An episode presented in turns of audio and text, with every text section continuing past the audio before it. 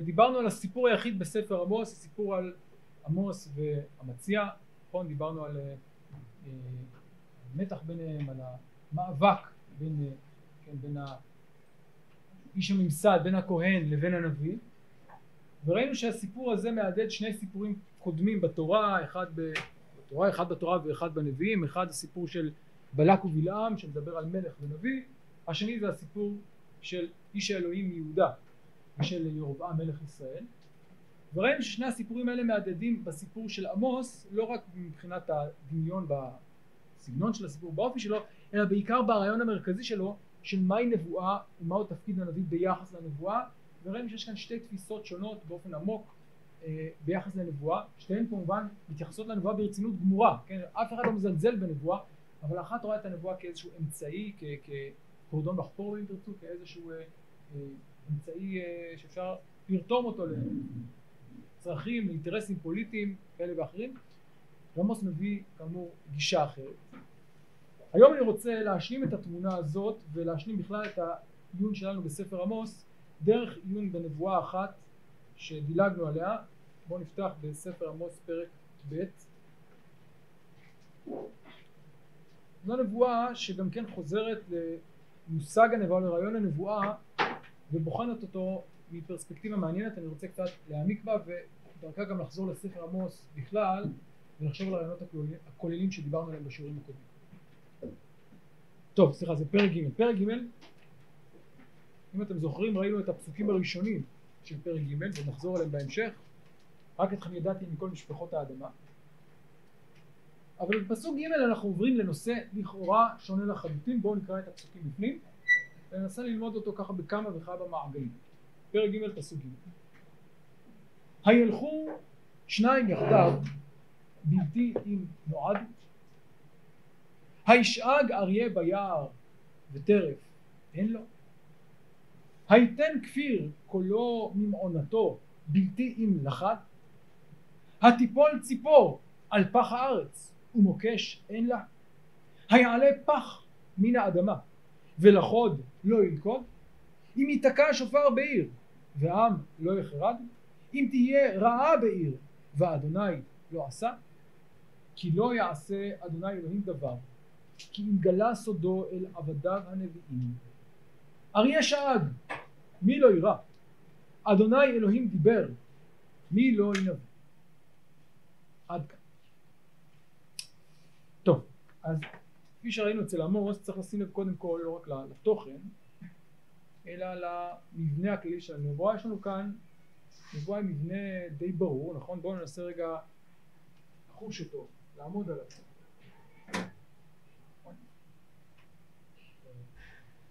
איך הנבואה הזאת בנויה באופן כללי?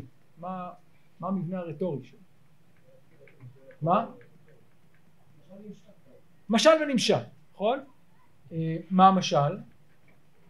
יש לנו כאן הרבה משלים, נכון? הרבה משלים, ולכאורה כל המשלים האלה באים בשביל מה?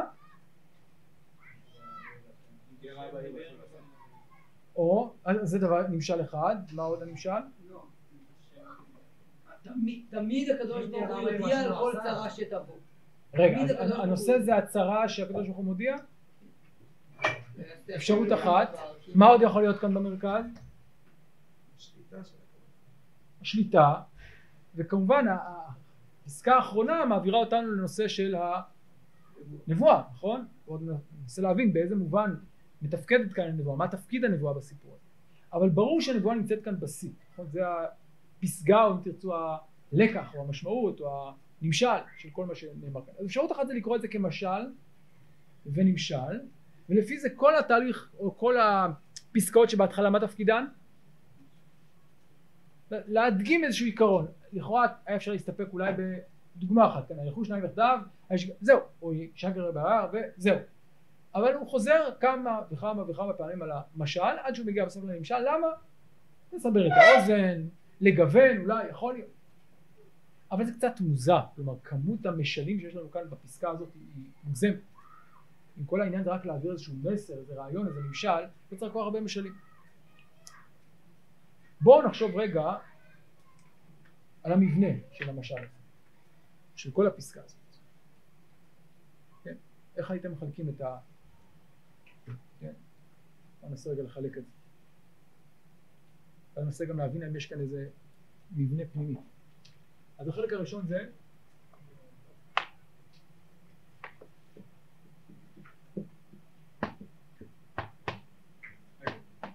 נכון זה הראשון. כמה יש לנו כאן סך הכל? כמה משלים? הישאג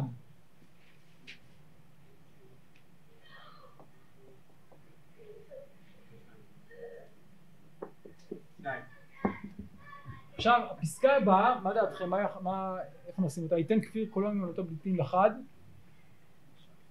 מה? האם הוא עומד בפני עצמו או שהוא קשור למשל הקודם? מה דעתכם? הוא חדש, למרות שהוא כן... יש אריה, אבל... יש אותו דבר, הוא תפס.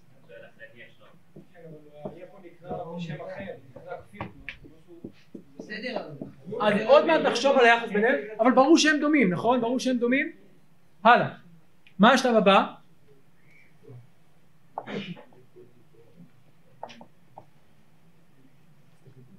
התיפול ציפור מבקש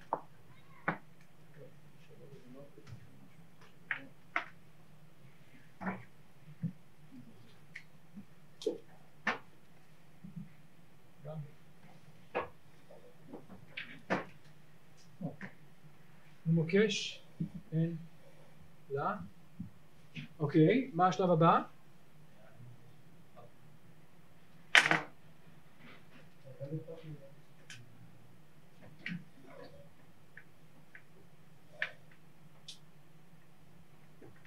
הצד השני של אותה שאלה. נכון, אז יש קשר כאן. אז הפח מופיע גם כאן וגם כאן, הלאה. מה העניין הבא? אם ייתקע. וכולי. שבע. אם יהיה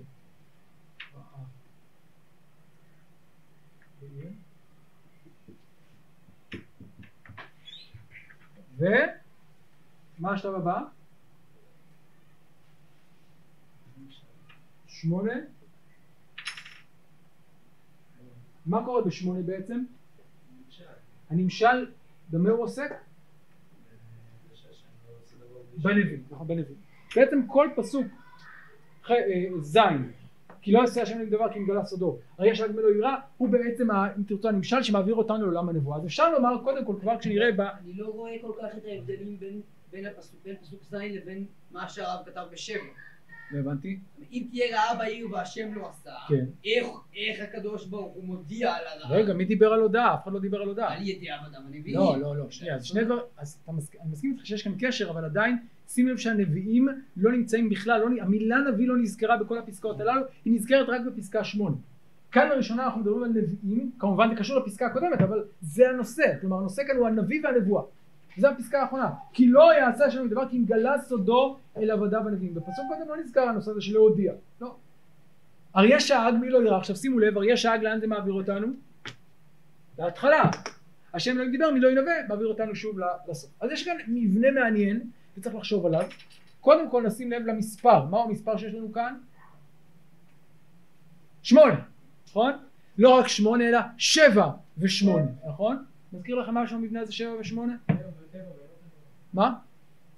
כן, לא צריך להיות רחוק, מאוד קרוב. פרקים א' ב' אתם זוכרים? עד שלושה ועל ארבעה כמה היו לנו סך הכל? שבעה כן, על שלושה ועל ארבעה אולי כדאי לסגור שם. או שהילדים של... תודה. אה, היה לנו שבע נבואות על העמים ועל ישראל והשיא כמובן מה הוא היה? על יהודה וגם אז אמרנו שהשבע הקודמות הן לא רק הכנה הן לא רק איזושהי אה, מבוא לקראת הנבואה הבאה אלא בעצם הם מבטאים איזשהו רעיון איזה עיקרון שבא לידי ביטוי עמוק ורחב בפסקה האחרונה אולי אותו דבר גם כאן כלומר המבנה הזה של שבע ושמונה שבע שבעה משלים אם תרצו שמכינים את השיא אבל הם לא רק משלים שחוזרים לעצמם יש ביניהם איזושהי, אה, איזשהו גיוון איזה מהלך שצריך לעמוד עליו חוזר גם פה אז קודם כל נשים לב שזו אותה תופעה שאנחנו ראינו גם שם וגם כאן. וגם שם אמרנו אפשרות אחת לקרוא את זה כקריאה רטורית, כן, יש כאן ניסיון לשכנע את העם, הנה אתם רואים, כן, היה שלושה פשעי אדום ומואב וכולי וכולי. אבל כשהעמקנו בזה ראינו שזה לא רק בא לסבר את האוזן, לא רק בא למשוך את המאזינים, יש כאן עיקרון שצריך להבין, זה אותו דבר גם כאן. וכאן אני רוצה לשאול את עצמנו, מה המכנה המשותף של כל המקרים האלה?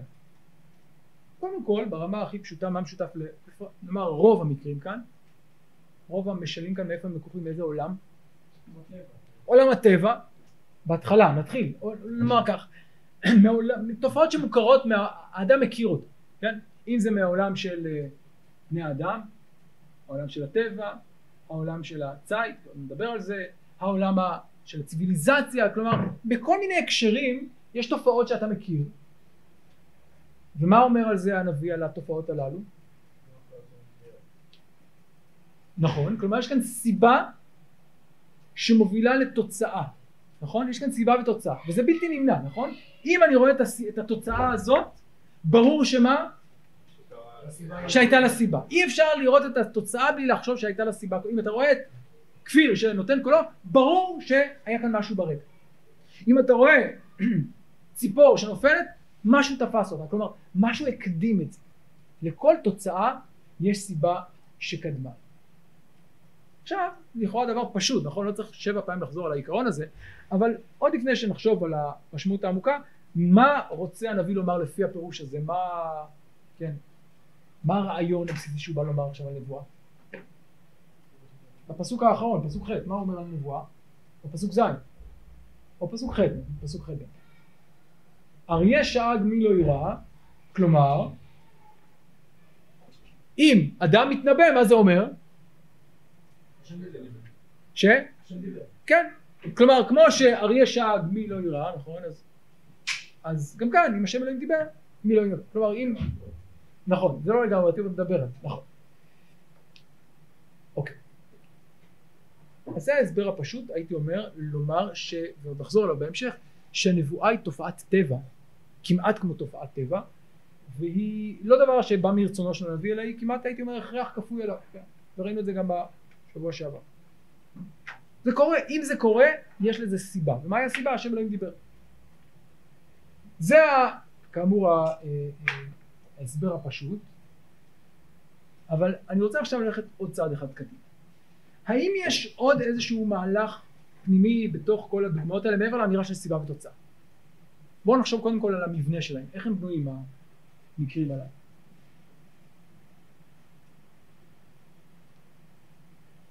איך הייתם מחלקים את זה? הזוגות, מה עם הזוגות? שתיים שלוש, ארבע חמש, שש שבע, נכון? מה היחס ביניהם? כלומר, נדבר רגע על העולמות, על איזה עולמות? אנחנו מדברים קודם כל מעולם הטבע, נכון? עולם בעלי החיים בטבע. אריה שואג כאשר הוא טורף טרף, כלומר הוא, יש לו אוכל אז הוא שואג. כפיר נותן את קולו ממונתו כאשר הוא לוכד, נכון? מעולם הטבע. כלומר איזושהי חוקיות מעולם בעלי החיים. זה רובד אחד. מה הצמד השני? לאיזה עולם הוא עובר? שימו לב, זה עולם מורכב. זה... כלומר, במה הוא קשור לעולם הקודם? גם בו יש חיות. יש לנו ציפור, יש לנו לכידה, נכון? לוכד אה, איזושהי, כן, חיה. אז יש כאן בעלי חיים, אבל מה עוד יש כאן? מה? יש כאן מעורבות אנושית, נכון? כלומר האדם, אם תרצו יחסי אדם ובעלי החיים, עוברים כאן אל הציפור. מה קורה בשש שבע? המרחב העירוני, נכון? המרחב העירוני, ייתקע שופר בעיר, תהיה רעה בעיר, ומהמרחב העירוני אפשר לומר שבע שמונה אם תרצו לאן אנחנו עוברים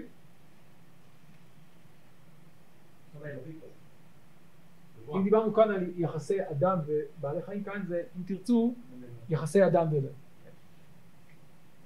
אז זה המעבר שיש לנו כאן מהטבע, שימו לב טבע, טבע אדם, אדם, אדם אלוקי. הסיבתיות בכל העולמות, בכל ההקשרים האלה, זה הדבר ראשון. אבל שימו לב שיש עוד מכנה משותף לכל הרשימה הזאת, לכל המשלים הללו, מה משותף להם? זה לא סתם משלים של סיבה ותוצאה. מה משותף לכל האירועים הללו? כמעט לכולם. מה אתם אומרים? קצת שלילי. יש כאן משהו קצת, אה, נכון, אין כאן, אה, אה, לא יודע, אין כאן בדיוק, אין כאן סיבה או תוצאה שמחה ונעימה, נכון? מהי התוצאה בדרך כלל? אולי אריה שמח, כנראה אריה שמח, אבל הטרף שלו פחות שמח, נכון? כלומר, אבל אם ננסח את זה בשפה אולי אחרת, הייתי אומר שהסיבתיות והחוקיות הזאת היא בהקשרים של איום וסכנה, נכון? אריה שואג, למה? כי הוא מצא טרף. כפיר נותן קולו הוא לחד. ציפור נופלת, אגב שימו לב לשרשור כאן, כאן מי לוכד? בעל חיים, כאן מי לוכד? האדם. אבל שוב יש לנו כאן טרף ומלכודת וסכנה ואיום, אגב שימו לב שהטרף לא מודע לה, נכון? האריה שואג אבל אה, זה קצת מאוחר מדי, כן, הוא כבר אה, לחוד, הוא כבר מצא את הטרף שלו. הציפור נופלת אבל זה אחרי שהיא, כן, היא, היא לא ידעה שיש שם אה, מלכודת. במילים אחרות יש לנו כאן איזושהי חוקיות בהקשרים של סכנה שהיצור החי, אם זה בעל חיים, אם זה הטרף, אם זה הציפור, אם זה האדם, הוא מודע להם יותר מאוחר מדי, כן? ייתקע שופר בעיר, למה? למה יש תקיעה? אגב, כן, אפרופו ענייני, למה יש תקיעה בעיר? בדרך. כלל, כן, ועם לא יחרדו, למה? כי זה סוג של אזעקה, זה אחד המובנים של שופר, שופר הוא סוג של אה, ביטוי לסכנה, לחרדה מסוימת. כי תבוא מלחמה בארצכם והראותם בחצוצות. אז זה דבר נוסף שיש לנו כאן.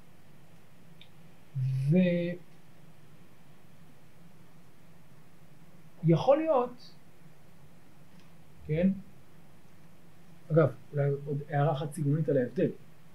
עדיין נשים לב שיש כאן הבדל מסוים בין החמישה הראשונה לשתי הבאות, נכון? מה יש כאן בשניים האלה? מה משותף לשניים האלה?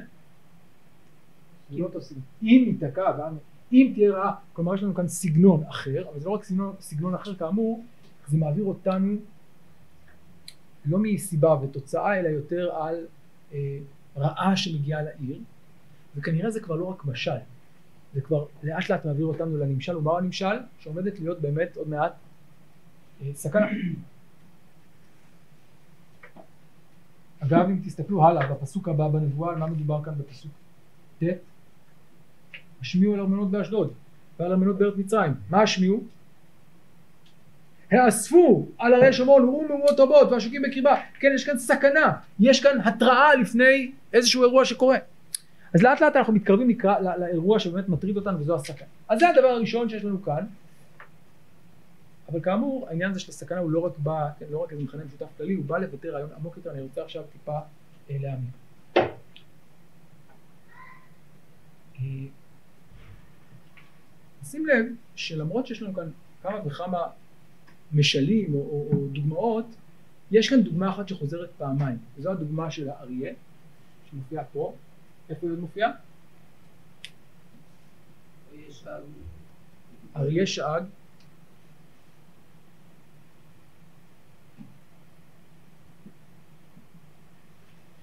השם דיבר, מי לא.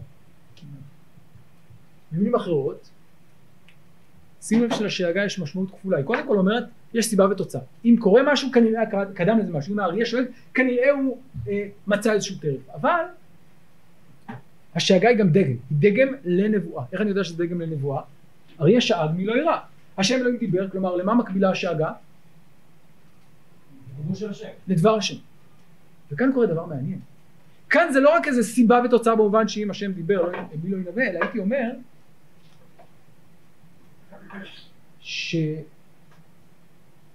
שלנבואה יש כאן משמעות עמוקה. מה זה נבואה לפי הדימוי הזה לשאגה? מהי נבואה? אריה זה הקדוש ברוך הוא זה ששואג, נכון? אז למה הוא שואג, קודם כל? כי יש סכנה, נכון? או לפחות לא לא, יש, יש טרם. אבל למה הנביא מתנבא לפי הפירוש הזה? אריה שאג מי לא ירא, השם דיבר מי לא ינבא. למה? הנביא מנבא? הייתי אומר שהנביא מתנבא בשתי סיבות. אם אני חוזר פסקה ראשונה, הנביא מתנבא כי אין לו ברירה, כמו שאריה שאג מי לא יירא, אה, סליחה, כמו שהישג אריה ביער וטרף אין לו, כלומר, אם קורה כזה דבר כנראה שיש לזה סיבה, ולכן גם אם אדם מתנבא כנראה שיש לזה סיבה, כלומר זה כוח טבעי, זה חוק טבע, אבל יש כאן אמירה נוספת, שאגה היא גם השאגה לא רק של הנביא, אלא של הקדוש ברוך הוא, הקדוש ברוך הוא זה שהייתי אומר קורא, הוא זה ששואג, הוא זה שמדבר, אז למה הנביא מתנבא? לא רק כי זה חוק טבע, אלא למה הוא מתנבא? כי זה התפקיד שלו. כי אם לא יתנבא מה יקרה? הרי למה אנחנו יראים כשאריה שואג? כי זה מייצג משהו מסוכן, זה, זה סימן לסכנה שקיימת במציאות, נכון? הסכנה שם. אריה שואג הוא רק מבטא את הסכנה הזאת ואנחנו מקשיבים לסכנה, לשאגה ומסיקים מכך שיש סכנה. אותו דבר למה הנביא מתנבא? לפי המשל הזה, למה הנביא מתנבא? כי זה התפקיד שלו. כי אם הוא לא יתנבא מה שיקרה השאגה לא תישמע ואם השאגה לא תישמע מה יקרה? לא שומע? לא נוכל להתמודד עם הבעיה, עם הסכנה שמגיעה, עם הסכנה שקרבה אותה. עכשיו, לפי זה הייתי אומר שכל הפסקה הזאת באה להגיד דבר אחד מרכזי. בעולם יש חוקים, בעולם הטבע, בעולם האנושי, בעולם האלוקי, בכל העולם יש חוקים מאוד ברורים מה גורם למה. והנבואה היא לא משהו שחורג מזה. הנבואה היא חלק מהעולם הזה, היא חלק מה... מעולם החוקים, היא לא משהו שהוא נבדל. כן? אז מה ההבדל? מה בכל זאת מייחד את הנבואה? הרגישות הרוחנית. כלומר, יש אנשים, יש להם אוזניים רגישות. הם יכולים להאזין ולשמוע את הנבואה. לשמוע את דבר השם. אנשים רגילים לא שומעים. אבל זה שהם שומעים זה לא בגלל שיש להם איזה כוח מיוחד, אלא פשוט מה יש להם? אם תרצו רגישות מוסרית, רגישות דתית, הם שומעים, אני אנסח את זה כך, יש כאן איזשהו תדר במציאות ש, שנשמע. התדר הזה קיים. אתה יכול לשמוע ואתה יכול לא לשמוע. הנביא שומע. ולא סתם שהוא שומע, הוא אמור לשמוע. ולא רק שהוא אמור לשמוע, הוא אמור גם להודיע. כי אם הוא לא יודע מה יקרה, השאגה הזאת לא תישמע. אם השאגה לא תישמע, העם לא יוכל, כן? העם לא יירא, ואז העם לא יוכל לעשות שום דבר. אז זה הסיפור. והנביא בעצם, כשהוא שומע את התדר הזה, הוא מקשיב למשהו שאדם רגיל לא שומע במובן הזה גם המוסרי וגם הדתי, הוא שומע על זה שהחברה רקובה. העם לא רואה את זה אולי כלפי חוץ, זה לא דבר שכל כך בולט. הנביא יש לו איזו רגישות רוחנית לשים לב למצב המוסרי, הוא אומר יש כאן בעיה, והוא מתריע. הוא שם לב שיש סכנה שמתקרבת והוא מתריע, כי יש לו את האוזן הרגישה הזאת, הוא שומע את השאגה הזאת, את התדר הזה, והוא יכול לצעוק. ולכן, אם אני חוזר רגע לשאלה מי הוא הנביא ומהו הנביא, הנביא הוא אדם עם אחריות בלתי רגילה. הנביא הוא לא, אם נחזור רגע לשיעור הקודם, הוא לא אדם עם כוחות על שיכול לנצל אותם בכל מיני דרכים, כמו שרוצה המציע, כן, אתה ניבאת רע על בית אל, לך תנבא שם, שם ייתנו לך כסף, אתה לא מבין, זה לא הסיפור. הסיפור כאן הוא לא הכוח שאני מנצל אותו לטובת מטרה כזאת או אחרת, התדר קיים, הכל, הכל השאגה נשמעת, הסכנה קיימת, השאלה היא רק אחת, האם אתה תאזין לה או תאטום את אוזניך? וזאת בדיוק הטעות של, כן, אותם אה, אה, משתיקי הנביאים, אותם אנשים בממלכת ישראל. אגב, זה לא שהם טיפשים, הם פשוט מבינים באופן אחר את תופעת הנבואה. מהי לדעתם תופעת הנבואה? כוח, שהנביא מפעיל אותו. אומר להם עמוס לא לא. הנביא לא מפעיל, הנביא הוא רק קשור, הוא רגיש, הוא שומע. אבל זה קיים, זה חוק. ואם זה חוק אני לא יכול לשנות אותו, אני יכול מקסימום רק לחשוף אותו. זה מה שאני עושה. הנביא חושף את תמונת המציאות בפני העם שעיוור לה, שחירש לה אולי, הוא פותח את אוזניו, פותח את עיניו למציאות הזאת. ולכן, חוזר למה שאמרנו קודם, הנביא הוא לא איזה אדם עם פריבילגיה מיוחדת, להפך, שיכול לקבל בעבור זה שכר, להפך. הנביא נכפה לתפקידו, כמו שאמר בפרק בשיעור שעבר. ויקחני, כן, אני הייתי בתפקיד אחר, היה לי טוב בחיים שלי, אבל נלקחתי לתפקיד הזה כי הוטלה עליי אחריות. זה לא פריבילגיה, לא באתי כדי לקבל לחם, זו לא הסיבה שבגללה הגעתי לזה. אני נבחרתי בעל כוחי, ואני לא יכול שלא להגיד, כי אם אני לא אגיד מה יקרה, אני חוזר לפסוק הקודם, כי לא יעשה השם עם דבר, כי הקדוש ברוך הוא עושה את הכל. אבל לא תמיד אתה מודע לזה, לא תמיד אתה יכול להתכונן או להתמודד או לתקן, זה תפקיד הנביא. עכשיו, אני רוצה לראות את הנבואה הזאת בכמה הקשרים יותר רחבים בספר. אם נחזור רגע לפרק ב', פסוק י"ב,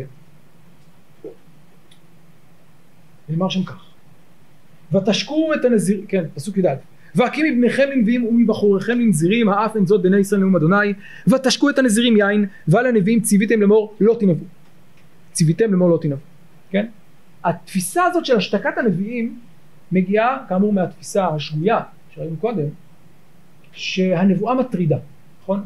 הנבואה מאיימת כן אתה מערער כאן איזשהו, איזשהו ביטחון לכן לך תעשה את זה שם יכול להיות שגם אולי הנבואה היא בשליטתך, אתה יכול לנבא ואתה יכול שלא לנבא, אם לא תנבא אולי זה לא יבוא. ראינו שזה מה שאומר המציע, זה מה שאומר גם ירובעם. אומר להם עמוס לא לא, הנבואה היא חוק טבע, היא כפויה עליי, היא לא תלויה בי, ואם תרצו, הניסיון להשתיק את הנביא זה כמו הניסיון אה, לשבור את האור, כן, כשיש לך איזשהו ברכב איזה סימן אזהרה, נורית אזהרה, מה אתה תעשה? אתה תשבור את הנורית, כי זה מטריד את מנוחתך. הנורית היא רק סימן, היא לא הסיבה, כן, אם תרצו אפשר לעשות ממנו חילוק למדני, הנביא הוא הסימן, הוא לא הסיבה. ובסופו של דבר אם אתה תשתיק את ההתראה, כמובן זה לא שהבעיה תיפתר, אלא היא תחמיר ובסוף הכל יקרוס.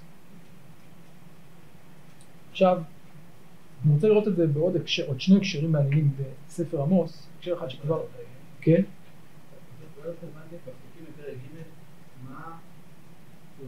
המבנה של השאלות בחלק הראשון זה שאלות כאילו של...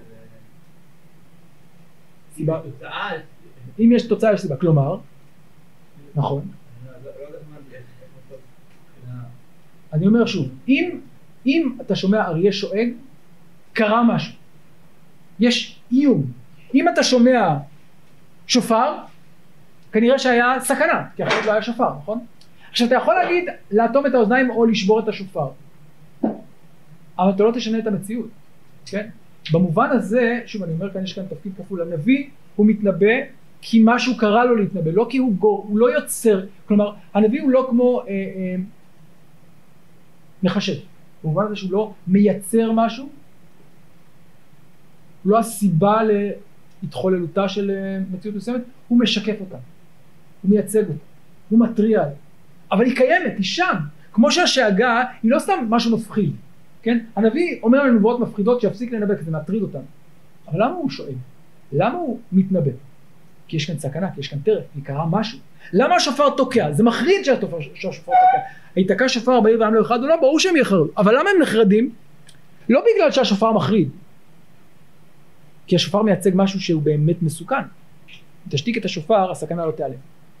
אז, זה, אז אני אומר, יש כאן שני דברים. קודם כל להגיד לנו שזו תופעת טבע שהיא כפויה, לא בבחירת, זה, הכרחי, ככה, ככה העולם פועל, ושנית לומר שהדבר הזה הוא לא ב, ב, בשליטת הנביא, ואם אתה תשתיק אותו זה לא ימנע את הבעיה, לא יפתור את הבעיה. כן. כל, ה, כל השבע שאלות הרטוריות ראשונות, שונות מהותית מהשאלה האחרונה. למה? הן באות לתאר איזשהו מצב שמתרחש, משהו קורה. נכון. אבל השאלה האחרונה לא, בכלל לא מדברת על איזה משהו, שינוי מהותי שקורה בעולם.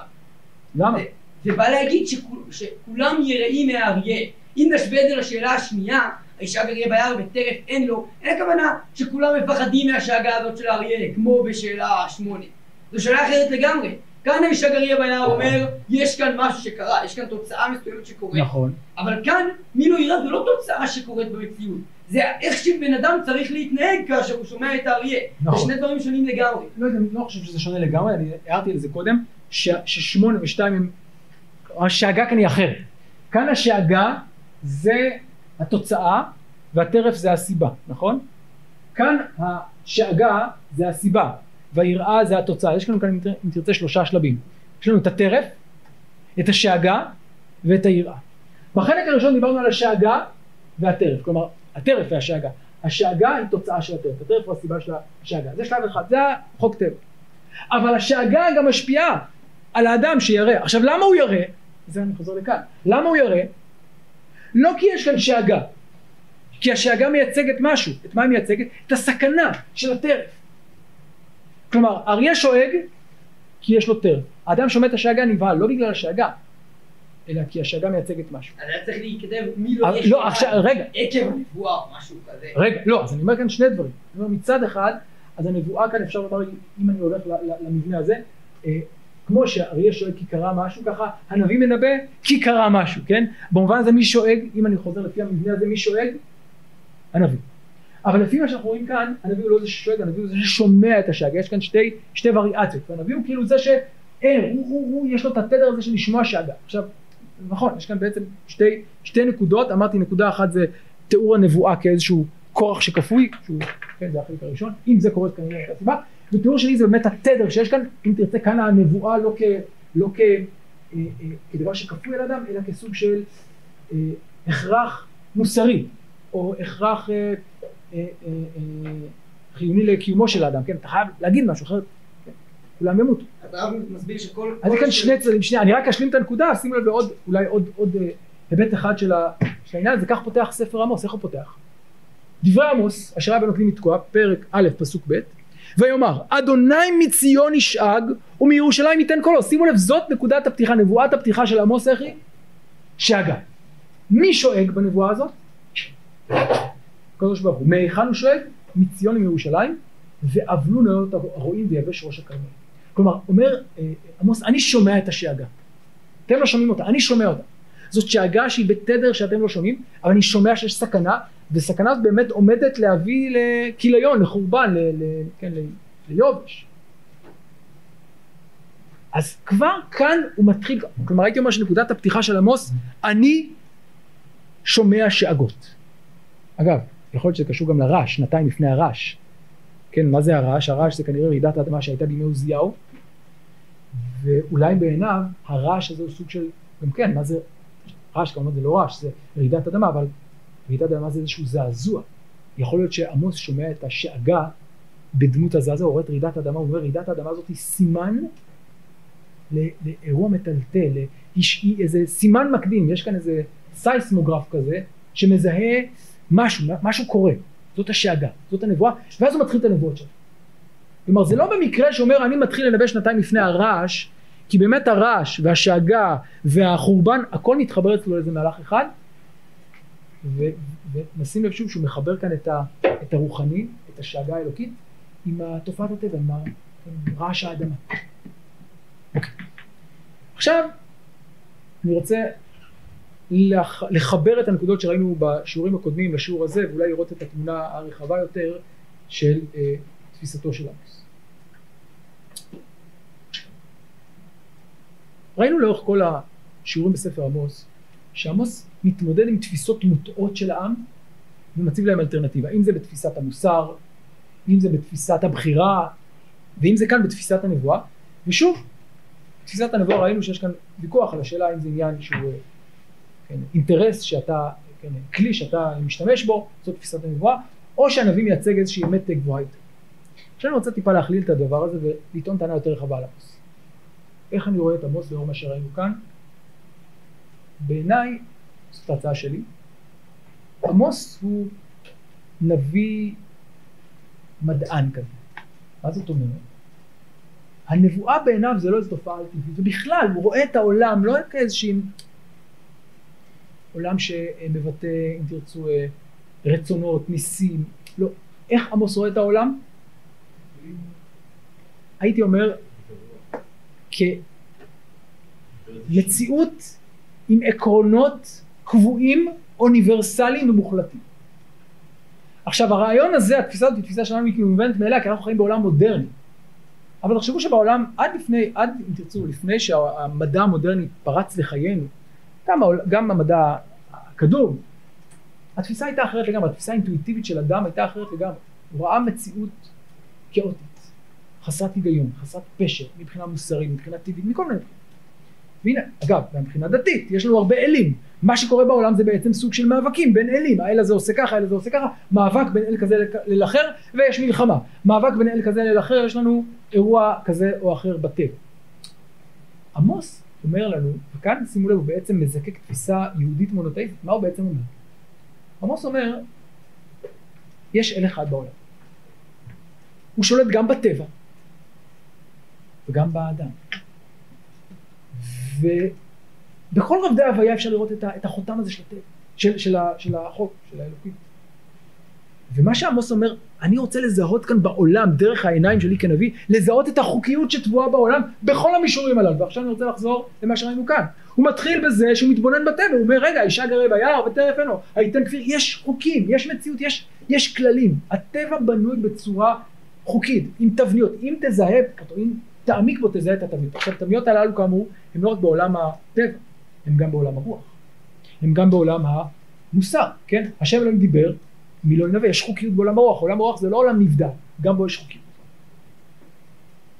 אבל גם בתחום של בחירת ישראל, מה זה בחירת ישראל לכאורה? אגב, אם נשאל את עצמנו, מהו הביטוי המובהק של הרצון האלוקי בתורה? הרצון דהיינו הבחירה האלוקית. מה?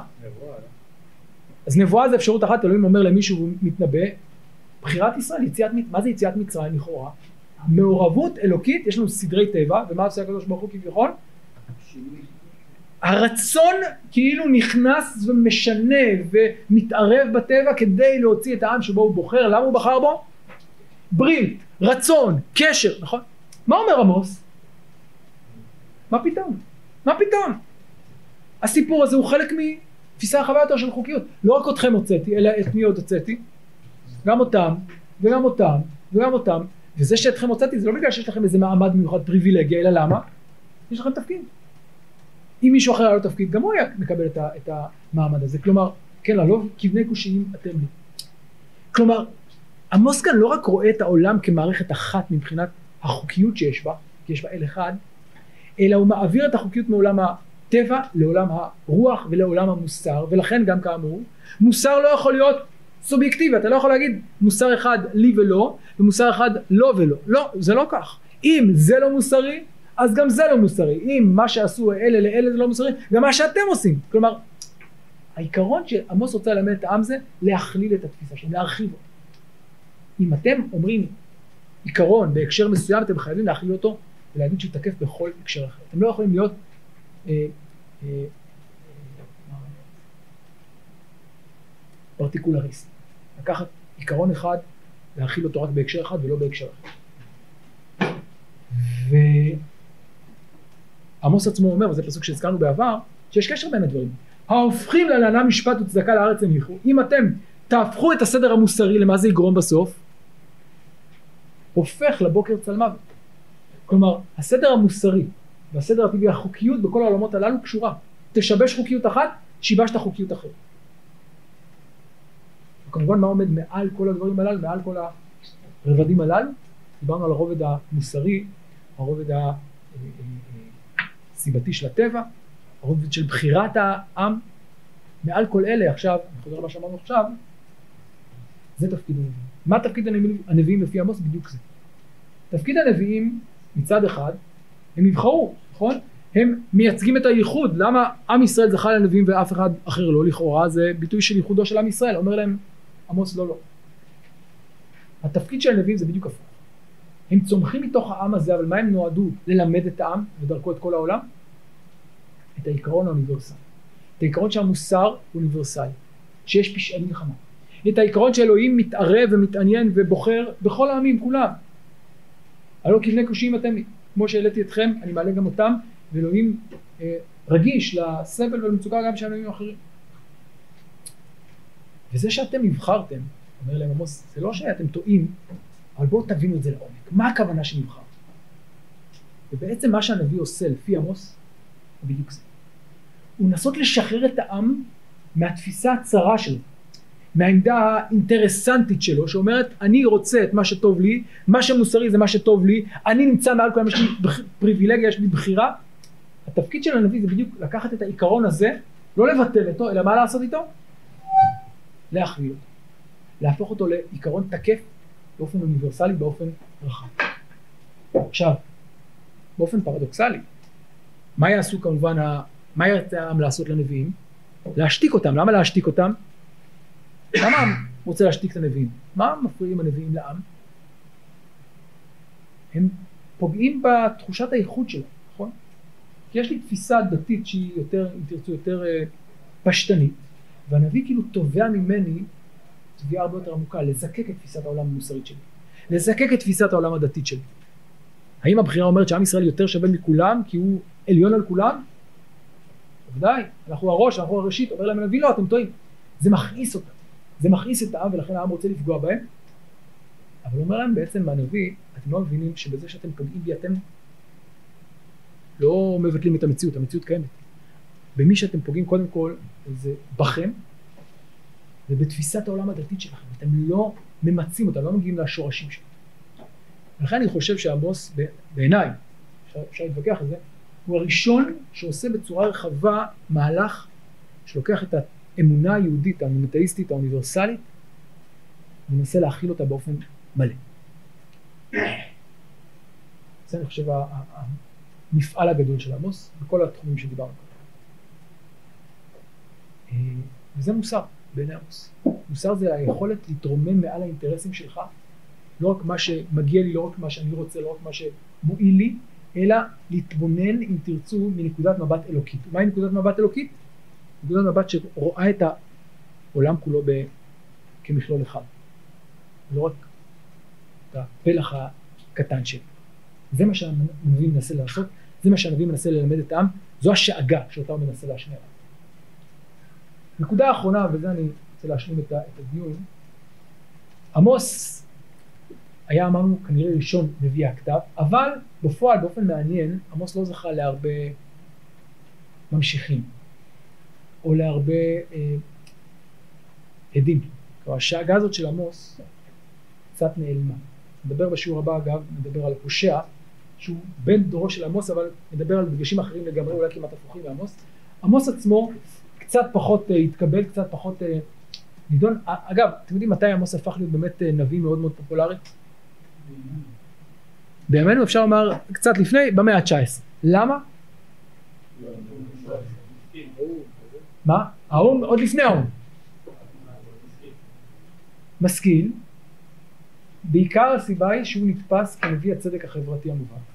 יותר מכל נביאים, עכשיו הרבה נביאים דיברו על צדק חברתי אבל הנביא שדיבר באופן התקיף ביותר וכמעט אך ורק על זה זה עמוס.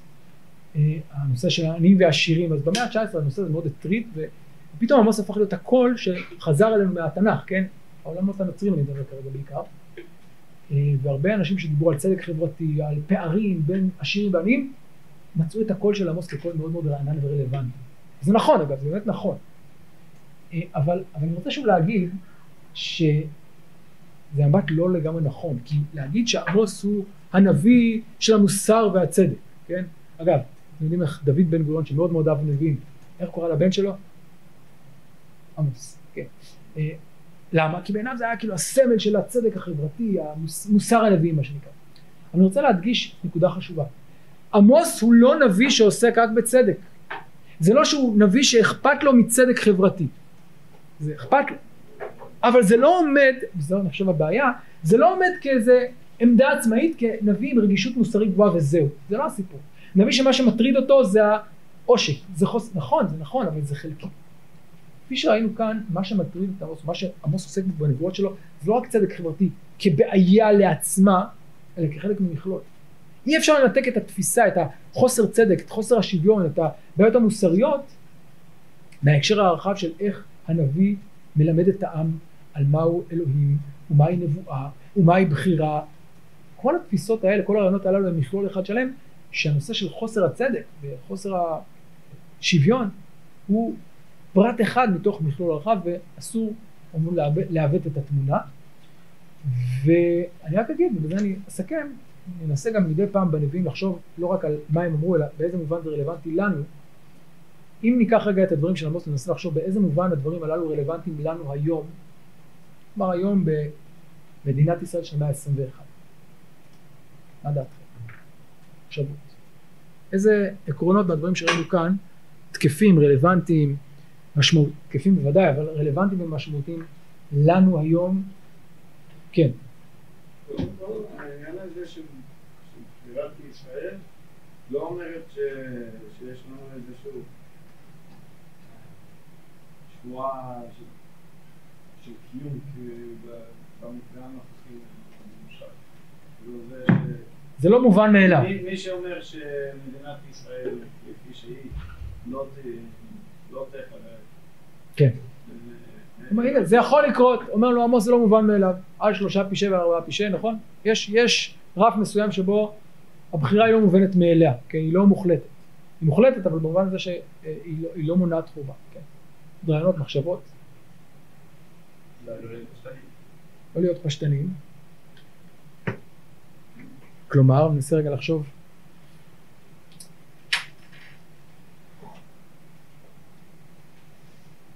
כן, נסו רגע לפרוט את זה, אולי לחשוב על, באמת על איזה, איזה תחומים, איזה, איזה עולמות הרעיונות האלה, הנבואות האלה של הבוס אה, רלוונטיים. כן, כן. זה להגיד עכשיו, כן, כן, רק אם גירדת בעוד השאלה. כן. אפשר לומר שיש, הוא מרגיש שיש איזשהו סדר בעולם. כן. גם כאילו, רלוונטי גם להיום, זה גם סדר שהוא טבעי, אפילו במשבר האקלים כן. וכאלה, וגם סדר שהוא רוחני. וזה משהו...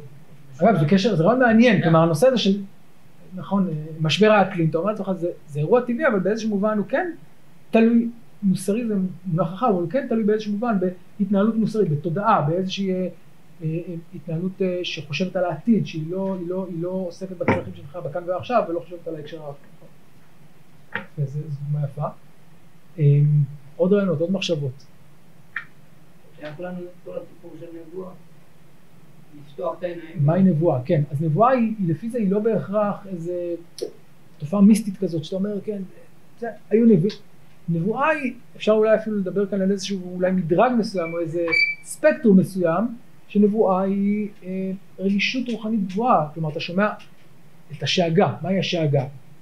אתה יכול להגיד שמעת את אה, דבר השם מילה במילה, ואתה יכול להגיד, ראית סימנים, כלומר, כן, אתה, אתה רואה, אתה שומע את דבר השם בכל מיני הקשרים, לאו דווקא בתור אה, נבואה אה, ממשית של, אה, כן, אה, כה אמר השם. כלומר, נבואה לפי הפירוש הזה היא כמעט הייתי אומר חלק מחוקי הטבע. ולכן זה לא משהו שרק פעם היה והיום לא, כן, למרות שהנבואה כאילו פסקה, והיא לא פסקה באמת, לא לגמרי, לא במובן העמוק, כן, זה גם נראה מעניין. ואם נשאל את עצמנו, מה תפקיד הנביא היום? בהנחה שמישהו שומע את כל השם מתישהו, כן, אבל שוב, לפי הפירוש הזה, מה תפקיד הנביא? אני רוצה להוסיף נקודה אחת, שלדעתי רלוונטית, כן? אומר לנו עמוס, תמיד יהיה מתח בחברה, כן, בין נקודות המבט הפרטנית של, אם תרצו, של ההמון, של המנהיגים הפוליטיים, של הממסד, מה מעניין את הממסד בסוף? שהוא יישמר, מקדש מלך, בית, אל תהרוס לנו, יש לנו מוסד, אל תהרוס את ה... בסוף כל מוסד רוצה לשמר את, ה, רוצה לשמר את עצמו. ומנהיג פוליטי חושב יותר על אינטרסים. אז מה תפקיד הנביא בסיפור הזה? או לא דווקא נביא, אלא מי שהולך בעקבות הנביא. מהו הקול שמי שהולך בעקבות הנביא צריך להשמיע? להתבונן מעבר לשיקולים הריאל פוליטיים. שאומרים, רגע, אם אני אעשה ככה, אז, ה- אז, ה- אז הקבוצה הזאת תרוויח. אם אני אגיד את זה, אז הם... כלומר, לנסות רגע לחשוב מעבר לזה. מעבר לא- לאינטרסים הצרים של כל קבוצה וקבוצה וכל פלח ופלח, ולחשוב על משמעות הגבוהה יותר. לכן גם אגב, הנביא צריך להיזהר לא להיקשר יותר מדי למוסד, כי אם הוא נקשר למוסד אז מה יקרה? פחות לחשוב על האינטרס הגבוה הכללי, יותר לחשוב על האינטרס של המוסד, אם זה מפלגה, אם זה חברה, ציבור, לא משנה כרגע. כן?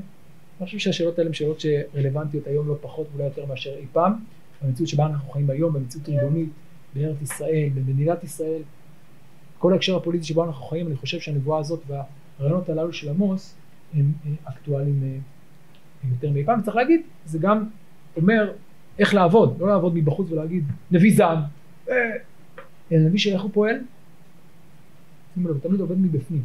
הוא לא בא אל העם ו... אלא הוא בא מתוך ההנחות שלנו ואומר בואו נחשוב לעומק על מה שאנחנו מאמינים בו. בואו נצעד עוד צעד אחד קדימה ואז נבין את המשמעות הרחבה והעמוקה של מה שאנחנו חושבים ומה אנחנו מאמינים. טוב, אז אלה כמה מחשבות, אה, ואני חושב שיש עוד כמה דברים שאפשר אה, לפתח כאן, אבל אה, אני מקווה שעם הזמן, גם כשנחשוב ונלמד נביאים אחרים, ננסה אולי קצת לקחת מהם דברים גם לימינו אנו וגם למציאות העכשווית שלנו. זהו, אז שיהיה לכולם אה, סוף צום קל וגמר חתימה טובה, אנחנו נתראה בעזרת השם אחרי החגים ונגיע להושע. נתחיל עם הושע, וכפי שתראו הושע ממש כמעט 180 מעלות מעמוס. להתראות, שנה טובה.